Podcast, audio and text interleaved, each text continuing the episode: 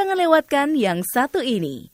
Acara belajar bahasa Inggris All About Idioms dari VOA Washington bersama Irna Sinulinga.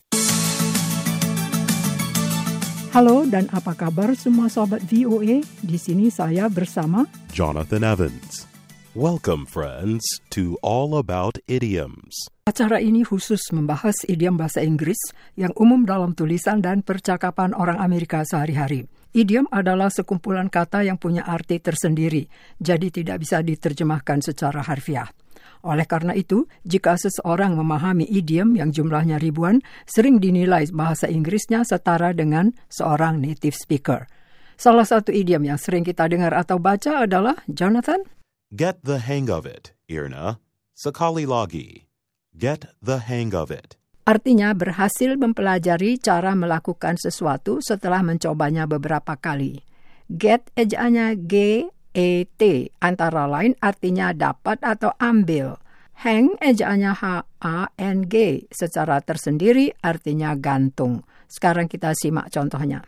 As with all new gadgets, it took me a while to learn how to operate the GPS in the car. Now that I get the hang of it, I depend on the GPS so much that I don't feel like going anywhere without it.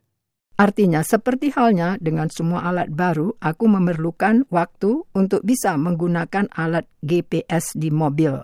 Sekarang setelah aku tahu caranya, aku sangat bergantung pada GPS sehingga aku enggan ke mana pun tanpa alat itu. Sekadar informasi, GPS adalah singkatan dari Global Positioning System. Salah satu fungsi alat ini adalah memandu pengendara mobil ke tempat tujuan. Idiom Get the hang of it. juga bisa berarti pernah belajar cara menggunakan atau melakukan sesuatu, seperti dalam contoh berikut. I wasn't especially interested in gambling, and I never did get the hang of playing poker, even after all my friends tried to teach me.